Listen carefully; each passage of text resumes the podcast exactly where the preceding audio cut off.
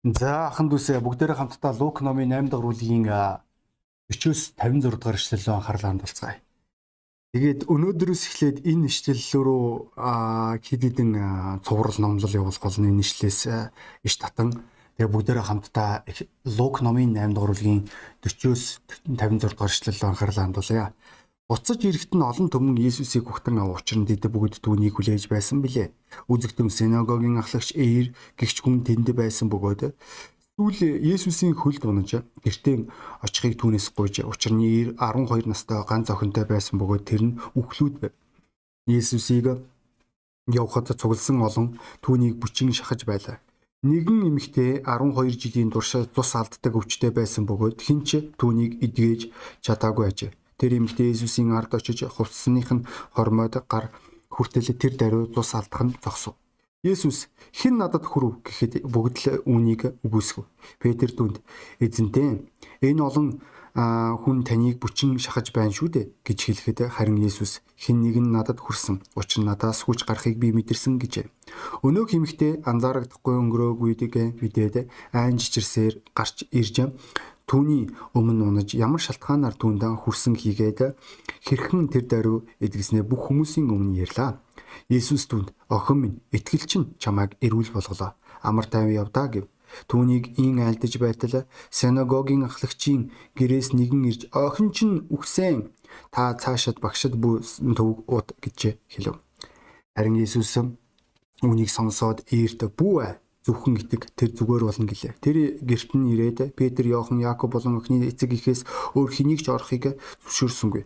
Бүгд л ойлон хайлж охины хойноос гашуудан байл. Харин Есүс ойлгаан бол охин үхээгүй харин унтаж байна хэмээсэнд охин үхснийг мэдэж байсан тэдэд түүнийг тохуурхан инээлдэж эхлэв. Гисэн хэдий ч тэр охины гараас барьж охин минь бас бос гэж дуудсандаа түүний сүнсэн эргэж ирж охин тэр даруй босов.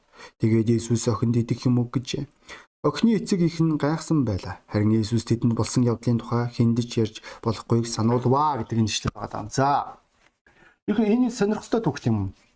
Энэ бид нэр энэ дахин амьлалтын одоо гэрчнэр болж байгаа. За тэгээд өнөөдөр бидний амьдралд янз бүрийн нөхцөл байдал үүсдэг. Бидний ойр дотны хүмүүсийн амьдралд янз бүрийн нөхцөл байдал үүсэж байгаа. Тэгээд энэ болгон дээр итгэгч хүний нэг чухал ойлгох ёстой ойлголтуудын нэг бол зуучлан гуйх залбирал байгаа. Өнөөдөр би итгэгч найз нь би чамаас асуумаар байна. Та хэний төлөө сүүлийн үед залзуушлангуйн залбирж байгаа вэ? Хэний амийн төлөө? Харж уу? Бидний нэшлэл дээр ир маань Есүсийн хөл дээр унаж герт нь очихыг түүнээс гуйсан гэж хэлж байгаа. Яг яагаад яагаад бол охин нь үхлүүд байсан учраас тэрээр бурхнаас Иесусээс гуйж хэлж байгаа. Тэрээр залбирж хэлж байгаа. Энэ түүх бол яа гарахгүй тийм үү? Хин хин нэгэн хин нэгний амьдралд амьдралыг өгөхийг хичээн тэмтэж байгаа түүх байгаа. Бүр нөгөө хүн нь гуйгаагүй байх үе ч. Би үүн дээр өргөлт аммаар дуучлан гуух залбирлын үн цэн нь яг онцлог нь үүнд оршиж байгаа. Нөгөө хүн чинь чамаас залбираад өгөөч гэж гуйгаагүй байж болно бүр. Чи гэхдээ тэр хүний төлөө зуучлан гуйж байгаа, тэр хүний авралын төлөө, тэр хүний амьлалтын төлөө, тэр хүний эдгэрлийн төлөө, тэр хүний ерөөлийн төлөө чи өөрийн ойр дотны хамаатан садангийнхаа төлөө залбирч хэлж байгаа. Тэрнээс бол эсэргээр биш. Заримдаа хүмүүс бид нэр өнөөдөр итгэгчтэй итгэгч хүмүүс тийм үү? Бид нэр Есүс Христэд итгэдэг. Яг яагаад итгэдэг вэ гэвэл Есүс Христ дахин амьлуулах хүчтэй учраас. Есүс Христ өөрөө дахин амьсан учраас бид нэр өнөөдөр аврагдсан гэж ярьж байгаа. Өнөөдөр өөрлөгөө төв чиглээд өөрийнхөө одоо үзүүлэлт мөн чанар руу анхаарлаа хандуулад өөрийгөө амьдралынхаа төв болгож байгаа итгэгч нарыг би ойлгодгүй. Тэд хэрвээ та хэрвээ тэгж амьдрах юм бол та яа харахгүй ялагдах үед та унах үед та сөхрөх үед та өөрийгөө өрөвдөж эхлэх болно. Аа би угаасаа хизээч салахгүй юм байна. Би хизээч чөлөөлөгдөхгүй юм байна. Би хизээч өөрчлөгдөхгүй юм байна. Харин бидний итгэл найдвар өнөөдөр Есүс Христийн загалмайн золиос дээр оршиж байгаа. Есүс Христ бүрэн төлөөсийг төлсөн. Тийм учраас Бурхан бидний нүглийг уучлсан. Тэгээд энэ хугацаанд бидний амьдралд Бурханы үүс орол яригдсаар байгаа юм тийм үү? Тэгэд энийг мэдсээр байж чи бид нэр заримдаа итгэгчдийн хувьд сэтгэл яриад ундаг. Сэтгэл хэрэгтэй. Гэхдээ өнөөдөр та магадгүй хин нэгэнд сэтгэлээрээ туслаа тэр хүн там руу явж байвал ямар олиг байх вэ? Өнөөдөр бид нэр яа харахгүй ойрсдын ойр дотны хүмүүсийнхаа аврал руу анхаарлаа хандуулах хэрэгтэй болов. Тэгээ энэ болгон дээр бидний зуучлан гуйх залбирал их үр гүйцэтгэж байгаа. Бид нэр Библиэлд хэд хэдэн зуучлан гуйх залбирлуудыг харж болно. Хамгийн оюун бодол дээр орж ирж байгаа жишээ бол зуутын дарга. Бас л энэ ч нэг онцлог байгаа шүү. Зуутын дарга Есүс рүү хүн илгээгээд эзэн зарц маань саа өвчин тусаад гертээ хөвтөж сүрхий өвдөн шаналж байна гэж хэлж байгаа. Зарц нь үнийг мдээгүй гэж болно зарцсан зуутын даргаас гуугаагүй одоо Есүсээс намайг эдгээд өгөөч гэж залбираад өгөөч гэж хэлээгүй. Зуутын дарга тэрээр зуучлан гуйж байгаа Есүс рүү хандав. Бид нэр бас нэг өөр нэг жишээг Канаан эмэгтэй жишээгээс харж болно тийм үү? Давидын хүү эзэн намааг өршөөгөөч охин минь житгэрт хэрцгийгээр эзэмдэж эзэмдэгжиж байна гэж хэлж байгаа. Энд чи энэ эмэгтэй маань галзуурсан охиныхоо төлөө Есүсээс гуйж байгаа. Бурхан минь та миний охиныг чөлөөлөөч. Бодорсон түүнийг хэрцгий э, шаналн зовоож байна. Мөн бид нэр бас өөр нэг түүхийг Авраамийн түүхээс санаж олон та нар Лотын түүхийг санаж байна Содом Гоморог. Эзэн Авраамд өөрийн төлөвлөгөөгөө нээх үед Авраам дараах үгсийг хэлж байгаа Эхлэл номын 18 дугаар бүлгийн 23 дараа нь 32 дугаар ишлэгийг та бүгд надтай хамт уншиж болно. Эхлэл ном 18-ын 23 дараа нь 32. Авраам ойртон ирж та зөв шудрах хүнийг бузар муу хүнтэй хамт устгах уу? Тэгээд 32 дугаар ишлэл эзэн та битгий уурлаарай Би одоо ганцхан удаа нэмж хэлье. Хэрв тэндээс 10 зүв 10 хүн олдвол яах вэ гэсэндэ би 10 хүний төлөө түүнийг устгахгүй гэж хариулжээ гэж хэлж байгаа. Энэ маш гайхалтай зуучлан гуйх залбирлын зураглал гэдгийг та бүгд мэдж байгаа. Авраам Лотын төлөө Лотын гэр бүлийн төлөө тэрээр эзнээс гуйн залбирж байгаа. Эзэн минь та өөрийн өршөөл хайраа буулгаач. Та тэр хотыг авраач та өөрийн инэрлээ бидний амьдралд буулгаач. Энэ бол үнэхээр гайхалтай зураглал гэдгийг та ойлгож байгаа бох тийм үү? Энэ л байр суурийг маш олон бурхны удирдагчид өөрсдийн итгэгчдийн төлөө эзнээс гун залбирдаг гэдэгт би итгэж байна. Түүний хамгийн тодч бол Моисе тийм үү? Тэрээр хэлж байгаа би залбирanгүй та энэ ард түмнийг Египтээс одоо хүртэл уучлсаар ирсэн шиг өөрийн хайр инэрлийн агуу байдлын дагуу энэ ард түмний хууль бус байдлыг уучлаач гэж хэлж байгаа. Ард түмэн гуугаагүй штэ. Ард түмэн залбираагүй бурхан руу. Гэхдээ бурхны хүн залбирanгуйж байгаа. Бурхны хүн бурхан руу хандаж байгаа. Тэрээр хүмүүсийн төлөө, хүмүүсийн амьдралын төлөө гуйж байгаа. Өнөөдөр та ямар гайхалтай хариуцлагыг, ямар гайхалтай үн цэнийг өөрийн амьдралдаа тээж байгаа гэдгийг мэдгүй. Eerийн залбирлаас одоо бүх юм шалтгаалж байгаа. Өнөөдөр чиний залбирлаас чиний хамаатан садан, чиний ах дүүс шалтгаалж байна. Чиний итгэгч ахан дүүс шалтгаалж байна. Чиний пастор чинь шалтгаалж байгаа. Яг яагаад вэ гэвэл ойлгох хэрэгтэй болов. Хончин унгаах үед хондууд нь тарж явах болно. Өнөөдөр энэ шалтгааны улмаас бид нэр охин сүмүүдийн пасторуудын гэр бүлүүдийн төлөө залбирanгуйдаг. Бидний амьдралд өчнөөн сорилтууд үрж ирэх болно. Бидний амьдралд өчнөөн дайралтууд үрж ирнэ. Бидний тархин дотор өчнөөн бодлууд байх тэр үед өнөөдөр та тэр хүмүүсийн төлөө залбирanгуйж байгаа. Тийм үнэхээр бурхан биднийг юу гэсэн? Бурхан биднийг дулаан гэрээр өрөөж байгаа, гэр бүлээр өрөөж байгаа, үр хөвгтөөр өрөөж байгаа. Тэглээгээд өнөөдөр бид нэр хүмүүсийн төлөө энэ тав тухаасаа болж хүмүүсийн төлөө гууха орхигдуулах эсгүй. Магадгүй та энэ энэ номлыг сонсож байгаа ганц үе охин ганц үе залуу та нарын амьдралд хүртэл өчнөө сорилтууд өчнөө асуудлууд байгаа ганц үе залуучууд охтуудынхон төлөө залбирanгуйж явах хэрэгтэй. Яг яагаад вэ? Яагаад гэвэл яавал хизээ дайрахыг та мэдгүй учраас Энэ шалтгаанаар хүртэл эзэн Есүс Христ Симон Петрт хандан Симоно Симоно үздэггүй чамайг удаан буудаан мэд шигшхийн тул сатан зөвшөөрөл байсан гэсэн ч итгэлч нь сүлдэхгүй тулд би чиний төлөө залбирсан гэж хэлж байгаа. Би чиний төлөө залбирсан. Би итгэлтэй байна. Би мундагдаа одоо энэ сүмд пастор биш. Би сүрхийдээ биш. Би одоо төгсдөө өөс эвгүүдээ ерөөсөө биш. Энэ стог үнэхээр хол хэвтэн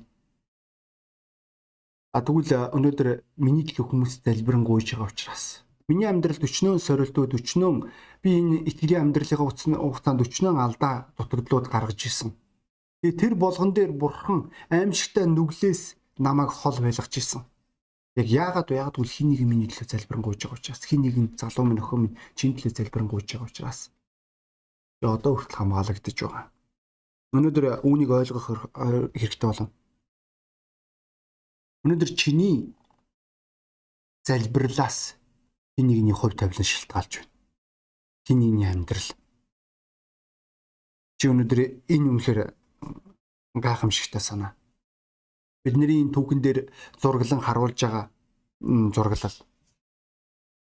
Энэ охин залбирахгүй байгаа ч гэсэн биеийн залбирлаас бүх юм шалтгаалж исэн. Тийм л учраас Библи хэлэхэд тийм учраас би биенийхээ өмнө нүглэн хүлээн шөрч би биенийхээ төлөө залбираа. Ингэснээр та нар эдгээгдэх болоо, эдгээгдэх болоо. Зөвхт хүний залбирал үр нөлөөтэй бөгөөд эхийг гүйцэлдүүлж чаднаа гэж хэлж байгаа өвд хүний залбиралд бид нэр бие биенийхэн төлөө залбирanгуйж байгаа. Бид нэр аа бие биенийхээ өмнө илчилж байгаа. Яг яагаад вэ? Яагаад гэвэл зөвхт хүний залбирал үр нөлөөтэй ихийг гүйцэлдүүлж чадна. Олон зүйлсүүдийн ард чадна гэсэн үг. Олон хүмүүсийн авралыг харна гэсэн үг. Олон нүглийн уучлал, чөлөөлөлт, эдгэрлийг бидний амьдралд өгж байгаа. Тэгээд их сонирхолтой болохоор энэ түүхэн дээр бас нэг өөр нэг зураглал харагдаж байгаа. Энэ маань болохоор саад дотгор. Бидний ишлийн 49 дугаар ишлэл дээр охин ч нүгсэн та цаашид багшид бүр төвгүүд гэж хэлвэ гэж хэлж байгаа.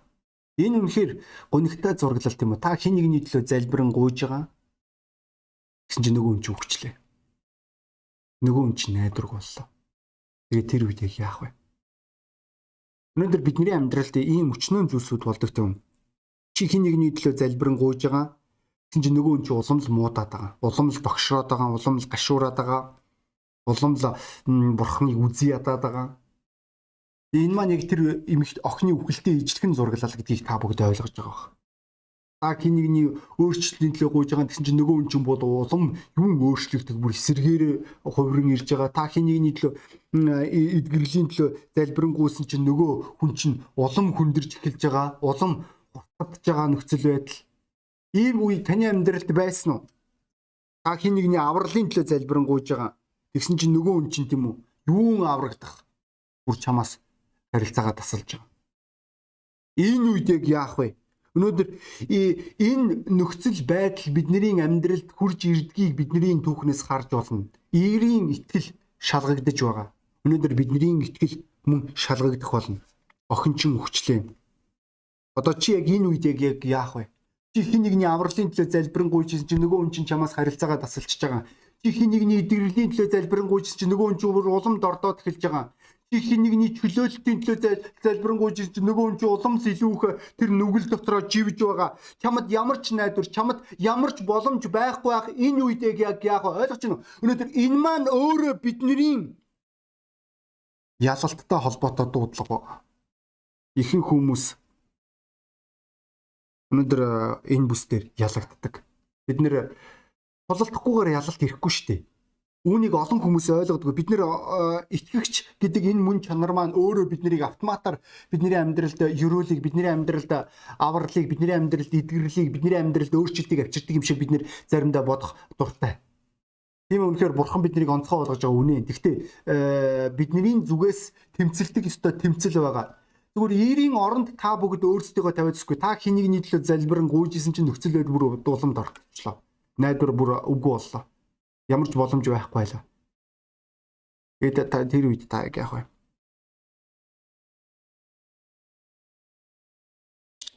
Энэ маань үнэхээр гонигтай тийм үү? Тэр бүр тэр Канаан эмэгтэйн зураглал их сонирхолтой зураглал. Тэр эмэгтэй Есүсээс гуйж байгаа. Тэгсэн чинь Эзэн би зөвхөн Израилийн гэрийн алдагдсан хоньнууд руу илгээгдсэн юм гэсэн боловч өнөөгийн эмэгтэй дөхөж ирээд түүний өмнө мөргөж эзээ надад туслаач гэхэд Есүс хүүхдүүдийн талхыг авч ногтод хаж өгөх нь сайн хэрэг бишээ гэж хэлж байгаа. Харж байна энэ их гжигдмээр түүх байгаа даа. Та бурхан руу тусламж гол гэсэн чинь бурхан чамааг нохоо гэж дуудаж байгаа. Яг ямар хуу байх вэ? Израильчуудын хувьд еврейчүүдийн хувьд харь үндэстнүүд маш жигшим байр суурийг илэрхийлдэг байсны зураглал энэ ч харагдаж байгаа. Гэхдээ энэ чи энэ хэсэг дээр хэрэг цаашаа унших юм бол Есүс үнэндээ тэр ибэлтийг сорж исэн харж болно. Бидний амьдралд өчнөө ийм сорилтууд байдаг. Бидний амьдралд өчнөө ийм асуудлууд байдаг. Бид нэр сүмийн итгэгч ахан дүүстэй дургуутслыг илэрхийлж байгаа. Бид нэр бие биендээ дургу байгаа. Бид нэр бие биенээсээ зай авч байгаа. Бид нэр бие биенээсээ одоо ялгуурлын байр суурийг илэрхийлэх аюул ховж ив скол атаархал житөрхөл уур хилэн энэ бүх зүйлсүүдээс эцсийн дүн дүнөдөр залбирахын оронд тийм үү? Эсрэг зүйл хийж гэлж байгаа. Ганц хөрж байгаа олон би итгэгч нараас харж ирсэн одоо би гуйсан бурхнаас гуйсан жирээс ямар ч нөхцөл байдал өөрчлөгдөөгүй шүү дээ. Юу ч өөрчлөгдөөгүй. Бүр уламд орцсон. Миний залбиралд хариулахгүй. Тийм учраас би бурханд итгэе болсон. Энэ маань авралтай холбоотой байдаг, энэ маань эдгэрэлтэй холбоотой байдаг, энэ маань чөлөөлөлтэй холбоотой байдаг. Тэгээд ингэснээсээ болж бид нэр дэндүү дэндүү хурдан бууж өгдөг. Бид нэр дэндүү амархан гараа болгодог байгаа. Бид нэр тэр хүмүүсийн төлөө залбирхаа болдог. Өнөөдөр та хамгийн ойр дотны тантай харилцаж байгаа ахын дүүсийн төлөө залбирж байгаа юу? Байнгын харилцаатай байдаг охтууд, байнгын харилцаатай байдаг залуучуудын төлөө залбирж байгаа итгэгч ахын дүүсийн төлөө. Эсвэл сүмөөс ухарж байгаа, сүмөөс холдож байгаа тэр ахын дүүсийн төлөө залбирж байгаа юу? Эсвэл бүр ухарсан байгаа тэр итгэгч ахын дүүсийн төлөө та бүгд залбирж байгаа юу? Та өөрийн пасторуудын төлөө залбирж байгаа юу? Пасторуудын эхнэрийн төлөө залбирanгуйж байгаа юу? Энэ шалтгааны улмаас Библи биднэрт нэг ойлголтыг өгж байгаа. Сэтгэл алдрахгүйгээр байнга залбирах ёстой гэж хэлж байгаа эзэн Есүс. Яг бол бид нэр сэтгэл алдрах үе. Нөхцөл байдал биднийг зүгээр гонсоолгож болно. Нөхцөл байдал чинь энэ үед бид нэр зүгээр тэр чигээр мэдрэмжэндээ итгээд мэдрэмжээрээ бид нэр өөрсдийн алсын хараагаа устгах аюулгүй. Бид нэр өөрсдийн анхны зорилгоо алдах аюулгүй.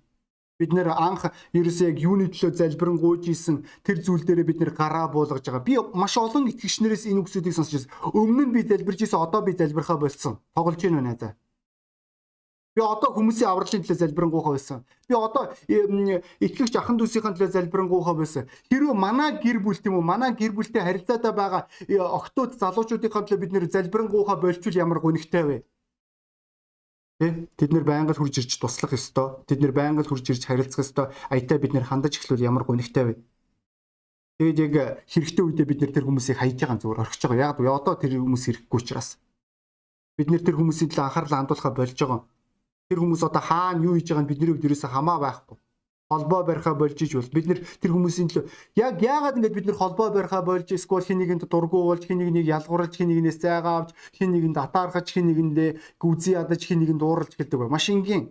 Бид нэр тэр хүмүүсийн төлөө залбирanгуйха болдог учраас.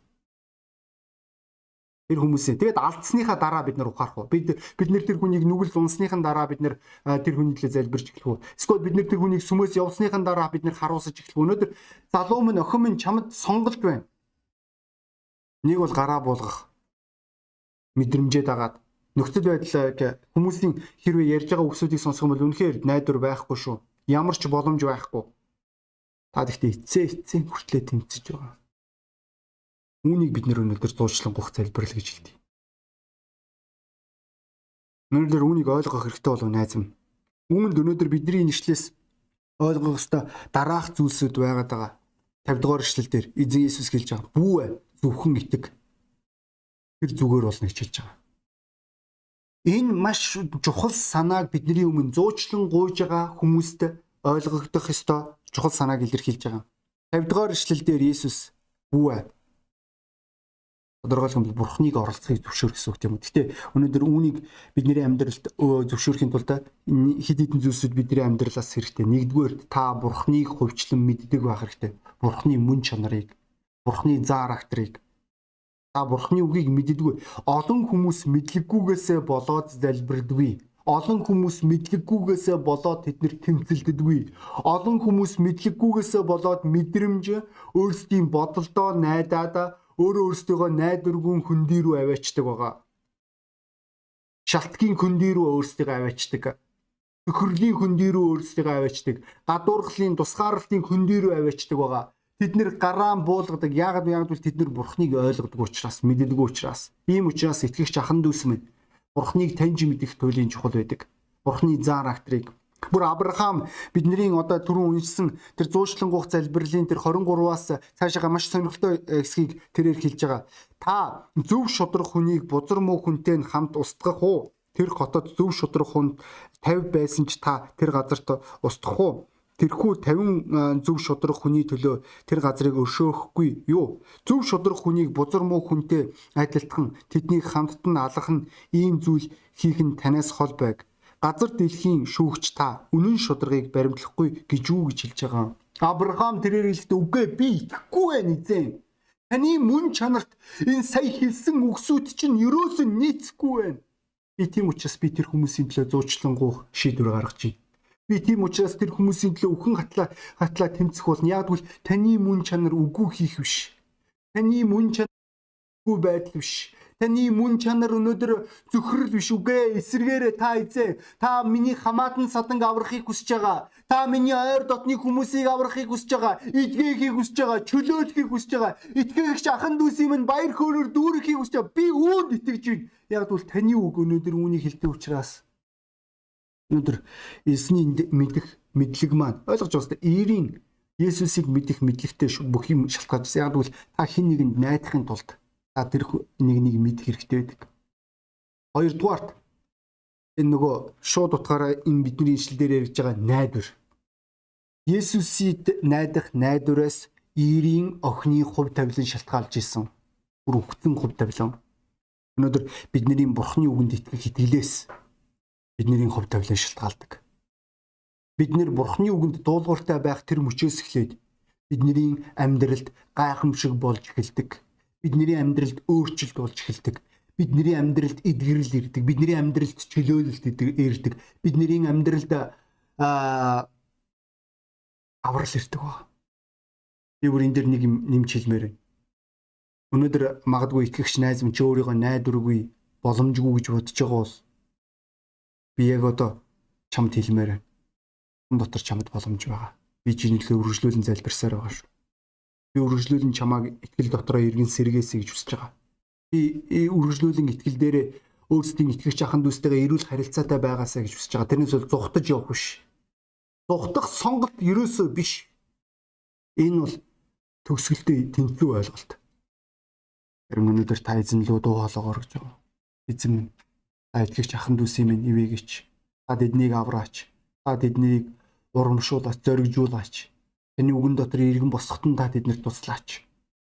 Тань дотор найдвар олж авч өөрийн оюун бодол, өөрийн нөхцөл байдал, хүмүүрөөл хүмүүсийн үгсэд биш. Харин таны үгэнд итгэхт нь туслаач. Таны үгэнд найдахт нь туслаач. Ойлгож байгаа дээ. Энэ мөчөөс эхлээд ирийн амьдралд гайхамшиг болж байгаа. Өнөөдөр Иесус чамаас үүнийг хүсэж байгаа. Бүү ээ. Үгүй итэг. Чи надад итгэх. Чи надад найдах хэрэгтэй.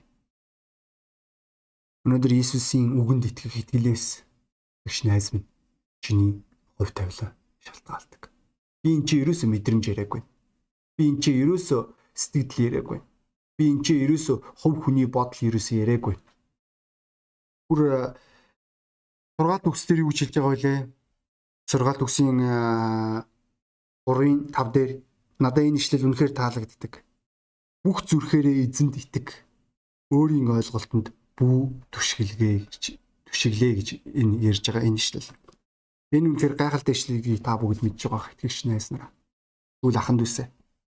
Үргэлжлүүлэн эзэнд найдацгаая. Үргэлжлүүлэн өөрсдийн ойр дотны хамаатан садан өөрийн итгэгч аханд үсийнхээ зуршлан залбирцгаая. Учир нь бид нэгсэн. Тэгээ хүн болгон толгоо удалгаад нүдэ анасаа гэж байна. Магадгүй өнөөдөр та зуучлан гух залбирлын бүсдээр та шийдвэр гаргаж байгаа. Гаргах хэрэгтэй болов. Та бүгдийн залбирал бидний бидний сүмд ахан дүүсд маань хэрэгтэй байгаа гэдгийг та бүгд ойлгох хэрэгтэй. Хэрвээ тийхгүй бол итгэж ахан дүүс маань ээлж дараалал нүгэлд унсаар л ах болно. Үргэлжлүүлээд тэд нөр өөрөө өөрсдөө голсоор л ах болно. Өөрөө өөрсдөө шүмжилсээр болно. Шүн болгон тэднийг хар дарсан зүйд нүргэх болно шин болгон тэдний амьдралд хүсэл тачаалын сорилтууд хурж ирэх болно. Яг яагаад вэ? Яагаад гэвэл бид нэр тэр хүмүүсийн төлөө тэмцэхэ болж байгаа учраас бид нэр тэр хүмүүсийн төлөө тулалтгаа болж байгаа учраас бидний амьдралд үргэлжлүүлэн нүглийн дайралт ирсээр болно. Хин нэгэн бүр нүгэлдээ өмнө. Хин нэгэн итгэлээсээ ухрана. Бүр хин нэгэн бүр сүмөөсөө явна. Өнөөдөр үүнийг өнөөдөр аханд үсээ бид нэр хүсээгүй шүү дээ. Тийм л учраас энэ түүхээс эзэн биднэрт сургаж байгаа биднэрийнхээ төлөө үргэлжлүүлэн залбир чиний залбирлаас их юм шалтгаалаад байна. Энд чи хувь хүний төгс байдлын талаар яриаггүй шүү. Энд чи бид нэр бас ойлгох хэрэгтэй. Эцээ зуушлан гуйж байгаа хүний талаар ярьж байна. Би таныг энэ бүсдэр шийдвэр гаргана гэдэгт итгэж байна. Тэгээ магадгүй өнөөдөр та энэ номлыг анх удаа сонсч иж болох юм. Сонсож байгаа нь өөрөө би танд зүгээр нэг юм хэлэхэд шүү дээ. Хин нэгэн таны төлөө залбирсан учраас шүү. Үнэ. Хин нэгэн таны ойр дотны хүмүүсээс хин нэгэн залбирдаг таныг аврагдаасаа гэж. Таныг бурхантай эвлэрээсэ гэж хүсэж байгаа. Тэгвэл би таныг энэ гайхалтай шийдвэрийг гаргаасаа гэж хүсэж байна. Бурхан дотор аврагдах боломжгүй. Амьдралаа шинэ хуудаснаас эхлэх боломжгүй Бурхныг таньж мэдэх боломжгүй. Үүний тулд энгийн гимшлийн залбирал хэрэгтэй. Та илүү их зүйлийг мэдхийг хүсэж байгаа бол та чин сэтгэлээсээ Бурханаас уучлахгүй гимшихийг хүсэж байгаа, залбирахыг хүсэж байгаа бол Бурхан минь би таны өмнө нүгэлтэй, би таны нүглийнхэн төлөө уучлахгүй чинь Иесус Христ миний төлөө загалмаа дээр цовдлогдсон гэдэгт итгэж чинь. Та миний нүглийг уучлаач. Та миний амьдралд орооч. Таныг таньж мэдэх боломжийг олгооч. Есүсийн нэрээр. Амен гэх энэ энгийн залбирлыг та чин сэтгэлээсээ та өөрийн өмнөөсөө залбирах үед Бурхан таны нүглийг уучлаа. Тэр хизээж дахин дуусахгүй. Та шинэ хуудаснаас амьдрал эхлэх боломжтой. Би таныг энэ шийдвэрийг гаргаасаа гэж хүсэж байна. Мөн итгэл дээр өсөх. Мэддэггүй нэгэндээ итгэх боломж байдаг. Тэгвэл бид нэр итгэл дээр та бид нартай заавал холбоо хараа. Бид нар маш татаа бол. За тэгээд дуудлага өөрчлөе. Итгэгч аханд үсэ бидний залбирлаас манай үндэстэн шалтгаалж байна. Үнэн шүү. Ийм л учраас таны амьдралд өчнөө сорилт байгаа даа. Ийм л учраас таны амьдралд сорилтгүй дайралт байгаа. Давж туулахын аргагүй. Та бол барахгүй шүү дээ. Харин та бурхантай хамт байхад та барах бол. Өнөөдөр үнийг ойлгох хэрэгтэй. Тэгээ бүгдөө номлын төгсгөл залбирцгаая. Тэнгэрлэгт өнөөдрийн номлыг US эцэг тандаа баярлалаа. Эзэн таны ивэл таны хайр үргэж биднэрт хамт тохиолдгоо. Итгэж ахын дүүсийн миний бэнэ үнэмд өөрийн хайр инэрлээ буулгаач. Есүс Христийн цаа. Амен. Ахын дүүсээ удахгүй зүмөр холбогцгоё. Та бүгдэд баярлалаа.